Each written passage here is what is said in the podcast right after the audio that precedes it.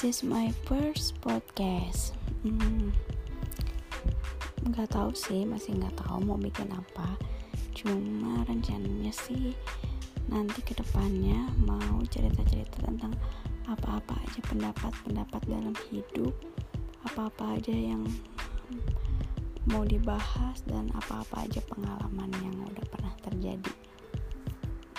Hmm, doain ya, semoga gak cuma euforia sesaat aja. Bye